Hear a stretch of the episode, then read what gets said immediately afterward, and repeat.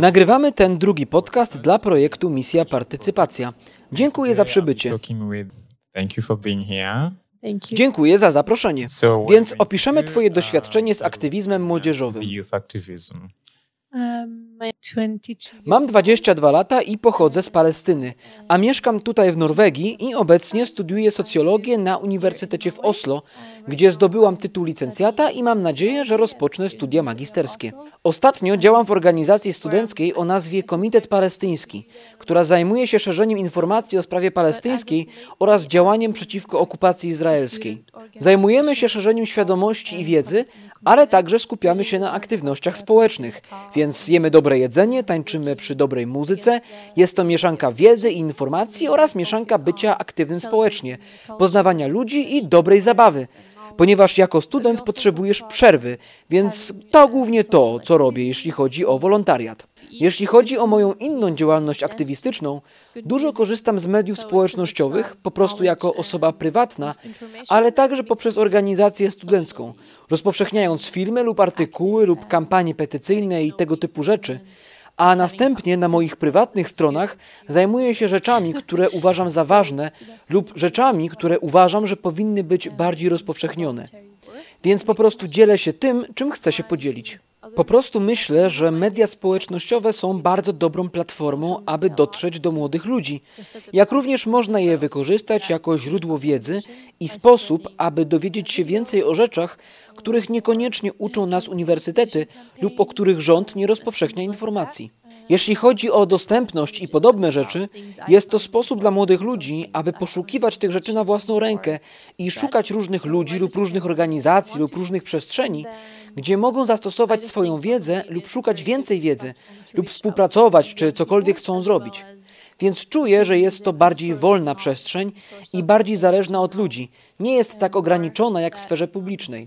Jest to może mniej ryzykowne, jeśli dzieje się w mediach społecznościowych, w przeciwieństwie do aktywnego życia w zwykłym świecie.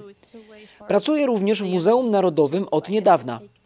To jest praca, która rozpoczęła się, ponieważ starają się oni podjąć wysiłek, aby być bardziej inkluzywnymi, zarówno jeśli chodzi o wiek, a także jeśli chodzi o wielokulturowość, którą uważam za bardzo piękną rzecz. Jest to też rodzaj nowego sposobu robienia rzeczy, ponieważ normalnie trzeba mieć dużo wiedzy, wykształcenia lub doświadczenia, aby móc pracować w tego typu dużych instytucjach rządowych. Ale oni umieścili ogłoszenie, szukając dwóch młodych ludzi, którzy mogą pomóc im uczynić wystawę i muzeum bardziej atrakcyjnymi dla młodych ludzi i ludzi, którzy zwykle ich nie odwiedzają ponieważ mają statystyki na ten temat i my również na moich studiach czytaliśmy trochę badań, które pokazują, że istnieje bardzo wyraźny wzór, jeśli chodzi o to, kto czuje, że może iść do muzeów i kto faktycznie idzie. To działa w ten sposób, że widać korelację między wiekiem, klasą i edukacją i są bardzo specyficzne grupy, które stanowią większość publiczności. Chcieliśmy przełamać ten wzór i domyślam się, że muzea również posiadają ten stereotyp bycia elitarnym i tylko dla wyższej klasy i dla starszych ludzi, którzy tam chodzą. Więc miałam to szczęście, aby móc tam pracować, radzić, jak uczynić książkę bardziej przystępną dla młodych ludzi, jak sprawić, by wystawa wydawała się bardziej ekscytująca i jak projektować w ten sposób, który przyciągnie wzrok młodych ludzi i sprawi, że poczują się chciani i uwzględnieni, a także sprawi, że będzie ona dla nich dostępna zarówno poprzez ceny, ale, co ważne, by byli skłonni porzucić swój tradycyjny sposób robienia rzeczy, by spotkać się z ludźmi tam, gdzie są i podjąć te kroki, by faktycznie kontaktować się z nimi lub dotrzeć do nich. W zasadzie czuję, że zrobili to nie na własnych zasadach. Czuję, że naprawdę nas słuchali, więc to było bardzo miłe. To był ten rodzaj pracy, który wydaje się jak hobby. Nie czuło się, że ryzykuje się cokolwiek i po prostu czuło się zabawę. Wiesz, po prostu mówisz i jesteś słyszany i dają ci przestrzeń do przekazania swojej opinii. Więc to było bardzo miłe, bardzo dobre doświadczenie. Uh,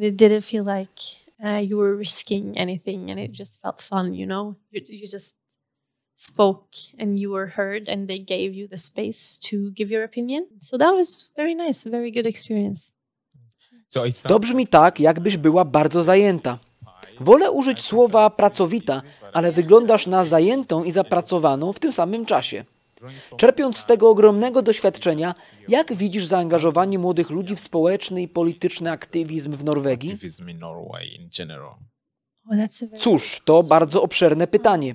Mam wrażenie, że niektórzy ludzie nadal idą zwykłymi drogami, będąc członkami organizacji lub będąc aktywnymi politycznie poprzez partie, co jest bardzo normalne tutaj w Norwegii. Ostatnio czuję, że największą zmianą było to, jak wiele organizacji, które są organizacjami pozarządowymi, które wypowiadają się na temat zmian klimatycznych, ale zatrudniają młodych ludzi i pozwalają im wykonywać pracę polegającą na rozpowszechnianiu wiadomości i używają platform społecznych i reklam na platformach społecznych, więc są one wszędzie. Na Instagramie, są na Snapchacie, są w miejscach, gdzie przebywa młodzież. Więc wydaje mi się, że te organizacje przemawiają do pragnień ludzi i mówią o takich kwestiach, jak to, co dzieje się na świecie, ale głównie o lękach naszego pokolenia, co jest bardzo skutecznym sposobem wykonywania tej pracy. Zawsze słyszymy to w debatach, w wiadomościach lub na uniwersytecie, że jesteśmy pokoleniem, które będzie mniej uprzywilejowane niż nasi rodzice. Będziemy musieli więcej pracować, będziemy musieli płacić więcej podatków, będziemy musieli liczyć się ze zmianami klimatycznymi i ograniczonymi zasobami naturalnymi i wszystkimi tymi rzeczami. Więc są bardzo dobrzy w używaniu tych faktów, aby do ciebie dotrzeć, co jest bardzo skutecznym We're sposobem. gonna have to work more. We're gonna have to tax more. We're gonna have to count on climate change and less natural resources and all of these things. So they're very good at using these facts to get to you, which is a very effective way. Jak twój aktywizm łączy te dwie różne kultury? Przedstaw nam także swoją. Um, Jeśli chodzi o mnie, dorastałam w Palestynie, zanim przeprowadziliśmy się do Norwegii i miałam około 9 lat, kiedy się przeprowadziliśmy, więc byłam świadkiem wielu problemów, które nadal dzieją się w Palestynie i dorastałam z wieloma członkami rodziny, którzy byli aktywni i którzy ryzykowali swoje życie kilka razy lub byli uwięzieni kilka razy. Mieliśmy również przypadki śmierci, przypadki zaginięć, słuchaliśmy opowieści i oglądaliśmy filmy dokumentalne i byliśmy bardzo świadomi sytuacji. Aktywizm, jak myślę, był tam od początku. To zaczęło się jako po prostu wola bycia dobrym w czymś, bycia świadomym tego, że jest się zasobem dla społeczności. Pamiętam, że byłam bardzo aktywna w szkole, ponieważ edukacja tam jest ceniona. Więc tak to się zaczęło, ale nie mieliśmy mediów społecznościowych w tych latach, czyli w okolicach roku 2009, więc nie byłam świadoma, jak reszta ludzi żyje, lub że ta sytuacja postrzegana jest jako niesprawiedliwość, lub okupacja, lub apartheid, lub podobne rzeczy. Więc tak było, dopóki nie przybyłam tutaj. To sprawiło, że zrozumiałam więcej, dlaczego ci ludzie w mojej rodzinie zrobili pewne rzeczy lub dlaczego działy się te konkretne sytuacje. Jedno z moich najwcześniejszych wspomnień z dzieciństwa to takie, gdy nasz prezydent Yasir Arafat był naszą największą nadzieją na wiele sposobów, więc kiedy odszedł, zrobiło to wrażenie na całym społeczeństwie. Więc pamiętam ten dzień, mimo że miałam tylko kilka lat. Troska o to po prostu rosła i rosła i chyba nigdy nie mogłam odpuścić. Bo to ojczyzna, to moi ludzie. I kiedy przybyliśmy do Norwegii, nauczyłam się po latach, że różnicą jest oczywiście to, jak żyjesz, jakie masz prawa i że prawo jest stworzone, aby chronić jednostkę w kraju, a nie po to, żeby go nadużywać. Ale chyba najważniejszą rzeczą jest to, że można po prostu powiedzieć cokolwiek chcesz. Panuje wolność słowa. Cokolwiek czujesz, cokolwiek myślisz. To jest to, czego nie mieliśmy w domu, ponieważ zawsze było niebezpieczeństwo lub zawsze była cena do zapłacenia, jeśli to zrobiłeś. Czułam, że mam szczęście być w miejscu, gdzie mogę to zrobić i jeśli uważam to za przywilej, nawet teraz. Więc nie mogę się zdecydować, w jaki sposób chcę stawiać opór i jak walczyć z tą niesprawiedliwością gdziekolwiek mogę, ponieważ wiem, że jest tak wiele sposobów, aby to zrobić tutaj. Jest tak wiele platform, na przykład mogę użyć mediów społecznościowych i wiem, jak dobre życie może być, ponieważ jesteśmy bardzo szczęśliwi, że możemy żyć w Norwegii. Mogę po prostu usiąść i patrzeć. Starałam się używać tego jako napędu dla czegoś dobrego, ponieważ daje mi to również coś z powrotem. Mój tata zawsze mówił, że z wolnością przychodzi odpowiedzialność i nie jesteśmy wolni, dopóki wszyscy nie będą wolni. To są dwie rzeczy, którymi żyję, jeśli chodzi o mój aktywizm. Jestem bardzo skoncentrowana na sprawie palestyńskiej, mimo że to się dzieje od jakiegoś czasu i trwa już jakiś czas. Ale widzę, że jeśli spojrzysz na szerszy obraz, to jest to również wojna między dwoma największymi potęgami na świecie. Rosja kontra USA i jest to również Zachód kontra Wschód i jest to też kontynuacja kolonizacji z XVII, XVIII i XIX wieku. Więc dla mnie jest to większa sprawa niż tylko Palestyna. Chodzi mi po prostu o wspólne prawa człowieka i niesprawiedliwość w ogóle. Wydaje mi się, że to się stało normalną rzeczą. Oczywiście, że to się dzieje tam. Tak, oczywiście, to jest z powrotem w wiadomościach. Nie chcę, żeby ludzie przyzwyczaili się do tych rzeczy. Uważam to za ignorancję. Nasza wolność ma swoją cenę i oni płacą cenę, nawet jeśli są niewinnymi ludźmi, którzy nie wybrali sobie życia tam. Szczególnie nie wybrało tego młodsze pokolenie, które jest aktywne na mediach społecznościowych i widzi, że ma źródło, gdzie może zobaczyć, jak żyje reszta świata i może porównywać. Więc kiedy wróciłam do domu teraz, tego lata, zdałam sobie sprawę, że mogłam zobaczyć w nowy sposób, jak bardzo są sfrustrowani, że są bardziej źli, bardziej odporni w pewien sposób, ponieważ widzą, że istnieje dowód na to, jak rzeczy powinny wyglądać. Mają również możliwość wyszukiwania na przykład w ONZ prawa wojennego. Wiedzą, że to, co nam robią, jest nielegalne. To, co robią w Dzianin, nie jest legalne. Więc buduje się pewne przeświadczenie, bo jaki jest sens posiadania tych wszystkich praw, jeśli można je po prostu złamać i nie otrzymać żadnych sankcji i reakcji? Więc dla mnie to frustracja i jest to również z miłości. Obie te rzeczy są bardzo żarliwymi emocjami. Po prostu staram się kierować je do czegoś, co może zrobić różnicę. I ja, jako mała organizacja studencka, również mogę nie wydawać się niczym wielkim. Ale to zmienia światopogląd ludzi. I największą lub najważniejszą rzeczą dla mnie jest to, że jeśli jedna osoba jest tego świadoma, to znaczy, że jesteśmy na dobrej drodze. Więc chcę szerzyć świadomość, ale także próbować uczynić świat bardziej sprawiedliwym. Ale nauczyłam się, że kultura w Norwegii jest bardzo indywidualna, a kultura palestyńska nauczyła mnie, że nie można być samemu i że jesteśmy silniejsi razem. Myślę, że te złączone podejścia są bardzo dobrym punktem wyjścia do prób dokonania zmian, ponieważ w końcu zakładamy, że jesteśmy gatunkiem społecznym i nie powinniśmy być sami. Więc czasami może się wydawać, że jesteś sam w systemie. Myślisz sobie, co mogę zrobić, zmiana jest tak odległa. Ale wydaje mi się, że po prostu normalna rozmowa może również być sposobem aktywizmu. Po prostu siedzisz, rozmawiasz, zastanawiasz się nad różnymi sprawami, myślisz o nich, mówisz. To nie musi być wielkie, rewolucyjne. Po prostu, jak każdy człowiek, jeśli możesz poświęcić swój czas na rozmowę lub zamieszczenie posta lub cokolwiek w tym stylu, to wystarczy. Nauczyłam się z czasem, że nie musisz mieć dużych oczekiwań wobec siebie. Wystarczy iść krok po kroku. Nie musisz biec. Nie możesz przeskoczyć z pierwszego stopnia na dziesiąty. Robisz krok po kroku. Czasami może się wydawać, że jesteś jedyną osobą stojącą przeciwko temu ogromnemu państwu, ale mamy tyle narzędzi i wiele sposobów bycia aktywnym i chcę je wykorzystać, bo wiem, że to jest bardzo cenne i nie jest to coś, co możemy wziąć za pewnik. Jest tyle pokoleń, które również pracowały na to, żeby to się stało, żebym mogła położyć się i stwierdzić, że życie jest w porządku.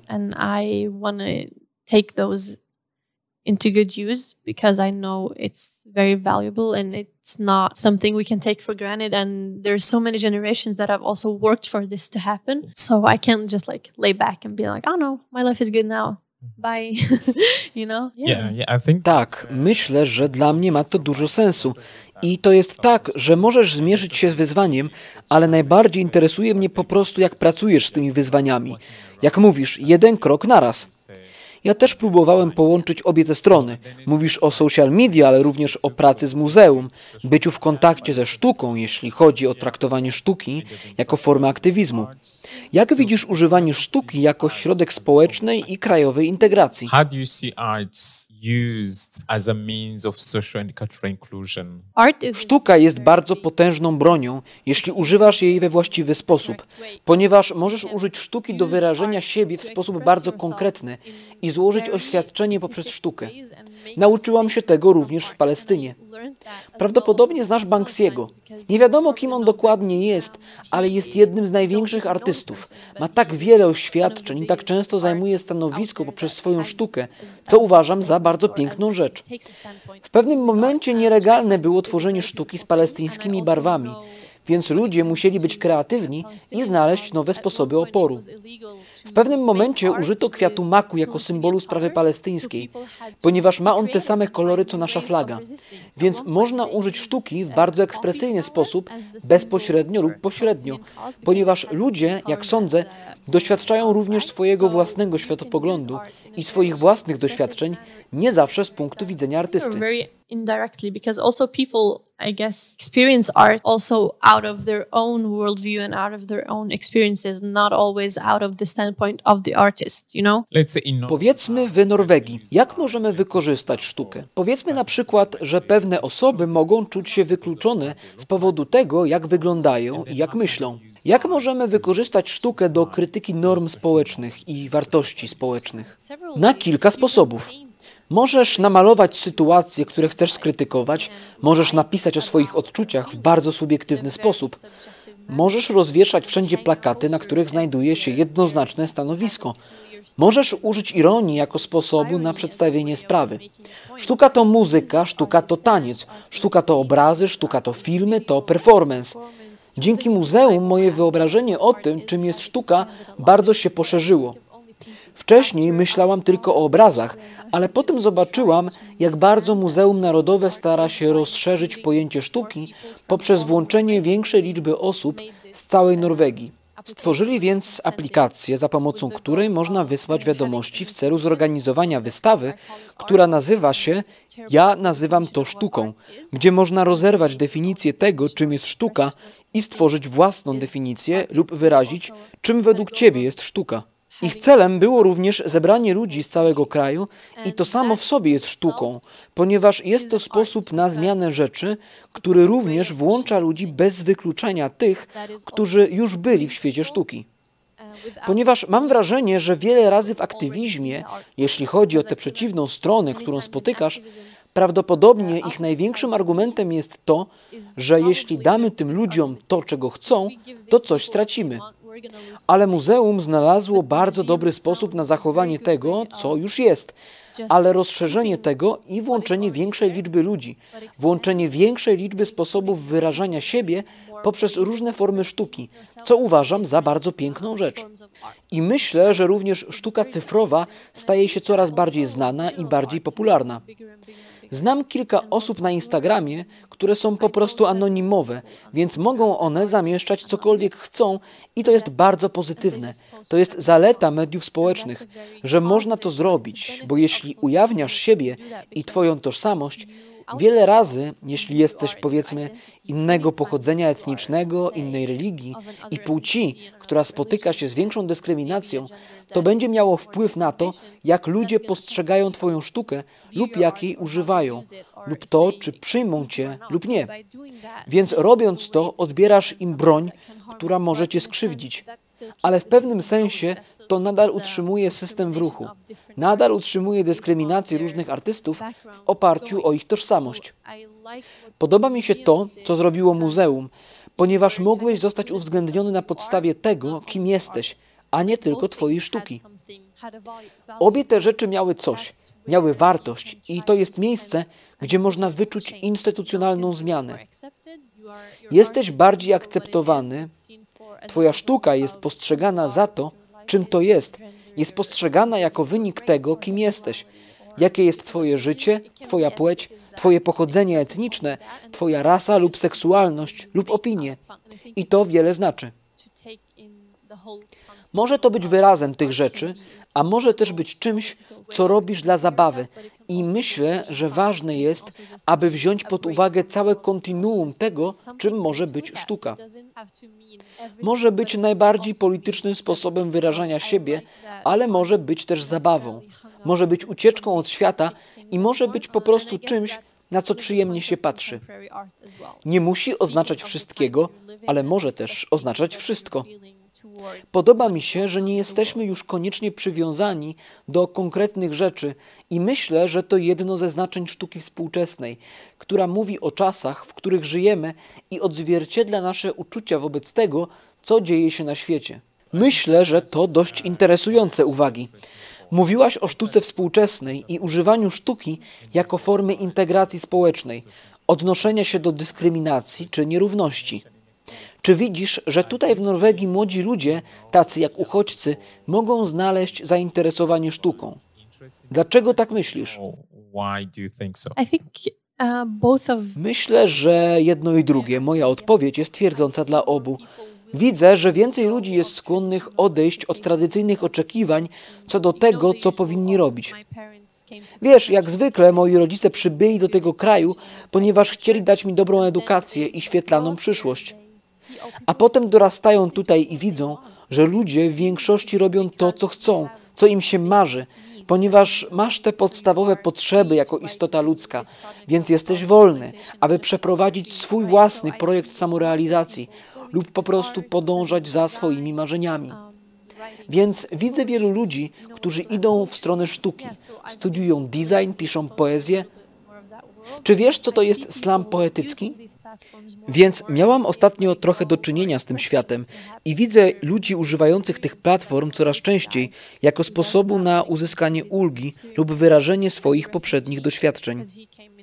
Znam człowieka, który robi to, jeśli chodzi o jego doświadczenia jako uchodźca, ponieważ przybył już jako dorosły i doświadczył tych wszystkich rzeczy i używa poezji islamowej jako sposobu wyrażania swoich uczuć, swoich doświadczeń, ale także wypowiadania się na temat tego, jak sprawy wyglądają teraz, a jak powinny się zmienić.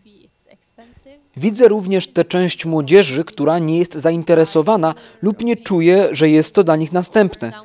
Albo może dlatego, że jest to drogie, aby chodzić do muzeów. Albo może jest to drogie, aby kupić kolor lub materiały malarskie, lub ściągnąć programy, gdzie można nauczyć się projektowania rzeczy lub robić sztukę. Tak więc zależy to w dużej mierze od tego, kim są Twoi przyjaciele i czym zajmują się Twoi rodzice, na co wystawiają Cię w dzieciństwie. Z socjologicznego punktu widzenia istnieje wiele badań, które mówią, że im więcej książek masz w domu, tym więcej czasu spędzasz na czytaniu książek i obcowaniu ze sztuką oraz innymi formami ekspresji. Jeśli więc myślisz o młodzieży, która pochodzi z domów o niższej klasie społecznej, prawdopodobnie większość czasu spędzają w pracy. Muszą pracować, aby zarobić określoną ilość pieniędzy, żeby mieć wolny czas lub pobawić się z przyjaciółmi. Jest też wiele innych czynników rozstrzygających o tym, czy ludzie są zainteresowani, czy nie. Myślę, że to musi być bardziej dostępne dla ludzi i to musi być coś, o czym sądzą, że mogą to zrobić. Czy czują, że to jest w porządku dla mnie, aby to zrobić? Czy czuję, jakby to było po prostu bardzo dziwne, jak w innym świecie, lub jakby należało do cudzego hobby, lub jakby było swoją własną strefą komfortu? Myślę, że chodzi też o to, jak działa system edukacji i jak sobie z tym radzi. Kiedy byłam w szkole średniej i analizowaliśmy te rzeczy, pamiętam, że niektórzy moi koledzy z klasy mówili między sobą, dlaczego muszę myśleć o tym, co ta osoba z 1700 roku próbowała wyrazić. Może innym sposobem na ułatwienie tego ludziom jest sprawienie, by wyrażali siebie, ponieważ jeśli nie jesteś przyzwyczajony do wyrażania siebie i swoich emocji poprzez te kilka sposobów wyrażania, nie możesz naprawdę wczuć swojego umysłu w to, czego chcą inni ludzie. A zwłaszcza jeśli być może przybyłeś tu jako uchodźca w wieku 15 lat. Jak nie znasz historii tego Henryka Ibsena z XVIII wieku, uważasz, że to nieistotne. Więc to musi mieć wartość dla danej osoby i ludzie muszą czuć, że mogą to docenić bez bycia ocenianym. Wydaje mi się, że Muzeum Narodowe pracuje nad tym. Nigdy nie miałam takiej przestrzeni pracy, gdzie czujesz się, że jesteś doceniany z tym, z czym przychodzisz. Jesteś doceniony z taką ilością wiedzy, ze swoją tożsamością. Pamiętam, że pytali nas o to, jakie znamy języki. I to był duży plus. Jeśli znałeś więcej języków lub byłeś w innych krajach i miałeś jakieś wielokulturowe doświadczenia i tego typu rzeczy, co uważam za bardzo piękne. Starają się naprawdę swoim personelem odzwierciedlać każdy typ osoby na widowni. Tak, że kiedy przychodzisz tam, czujesz, że to jest miejsce dla ciebie, że masz prawo tam być. Możesz zobaczyć siebie w innych ludziach. W końcu jesteśmy społecznymi istotami. Tak, te małe rzeczy mogą wpłynąć na to, jak ludzie doświadczają tak dużych instytucji rządowych.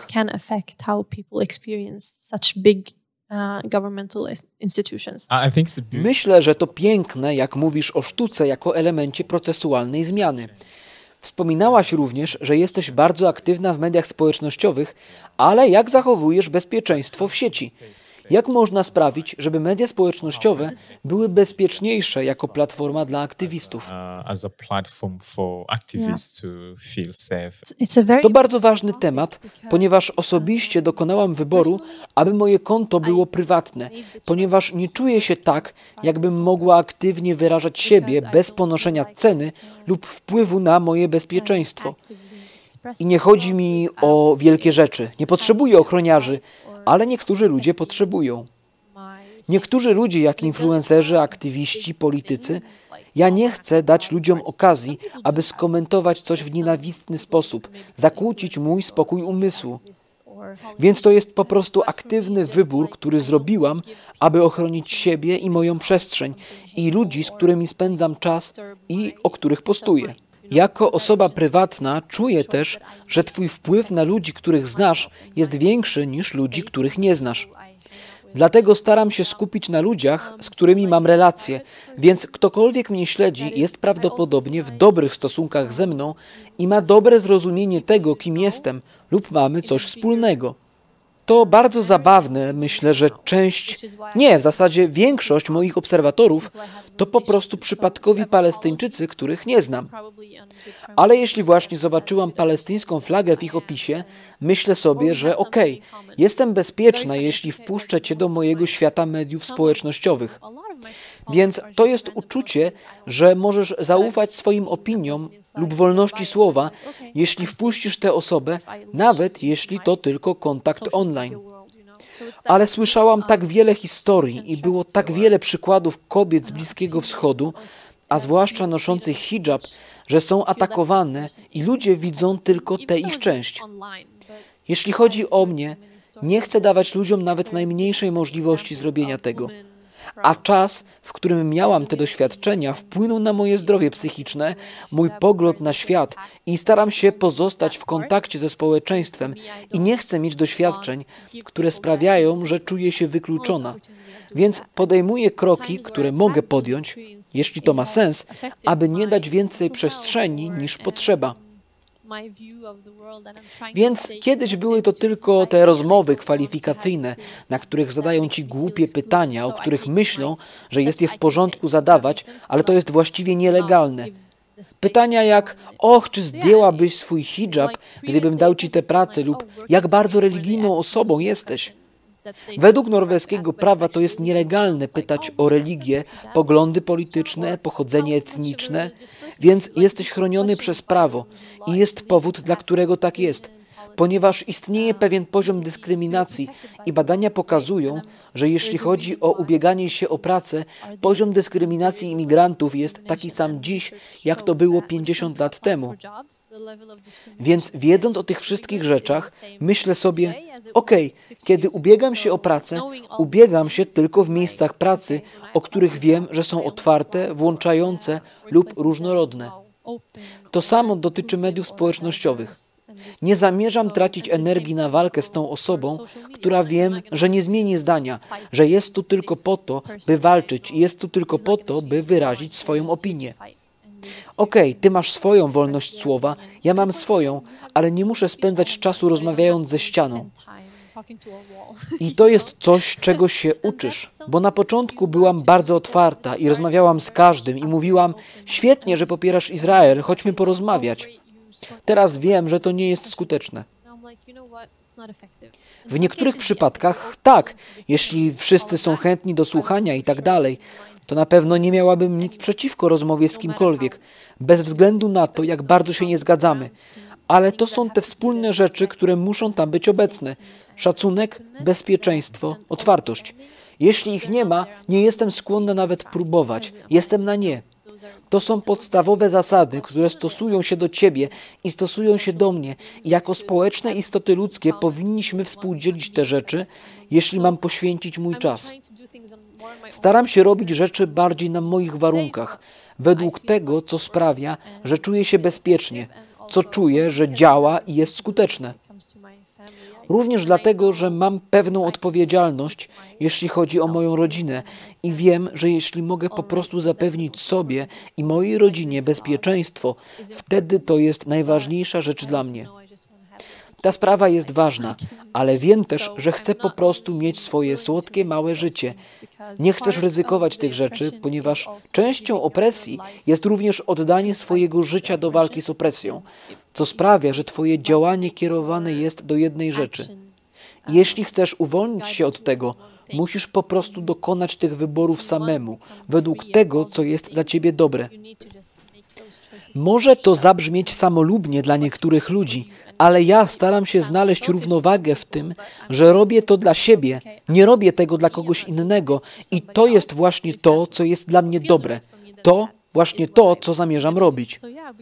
Prawdę mówiąc, chociaż okupacja trwa w samej Palestynie, jest około 6 milionów Palestyńczyków żyjących w świecie i dotyka ich wszystko, co dzieje się tam, mimo tego, że są daleko. Za każdym razem, gdy jest wojna, ataki lub cokolwiek podobnego, ty również zostajesz nimi dotknięty, ponieważ myślisz o tym, czy dostaniesz telefon z informacją, że niektórzy ludzie odeszli. Czy może nie będę w stanie odwiedzić domu w ciągu dwóch lat, czy też oni faktycznie będą w stanie zająć wszystko? I jeśli nadal martwię się o te rzeczy i tylko one tworzą moje życie, to zabrali moje prawo do po prostu życia, życia, którego chcę. W ten sposób głównie o tym myślę i to kieruje moimi wyborami w mediach społecznościowych oraz w moim życiu. Tak mi się wydaje. Uh, Tak, myślę, że masz całkiem interesujące życie.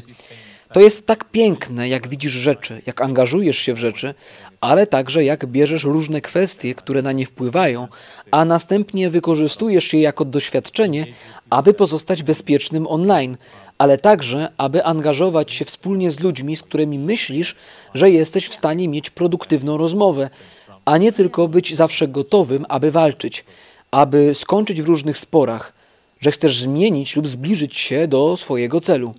Wszystko to przychodzi z doświadczeniem.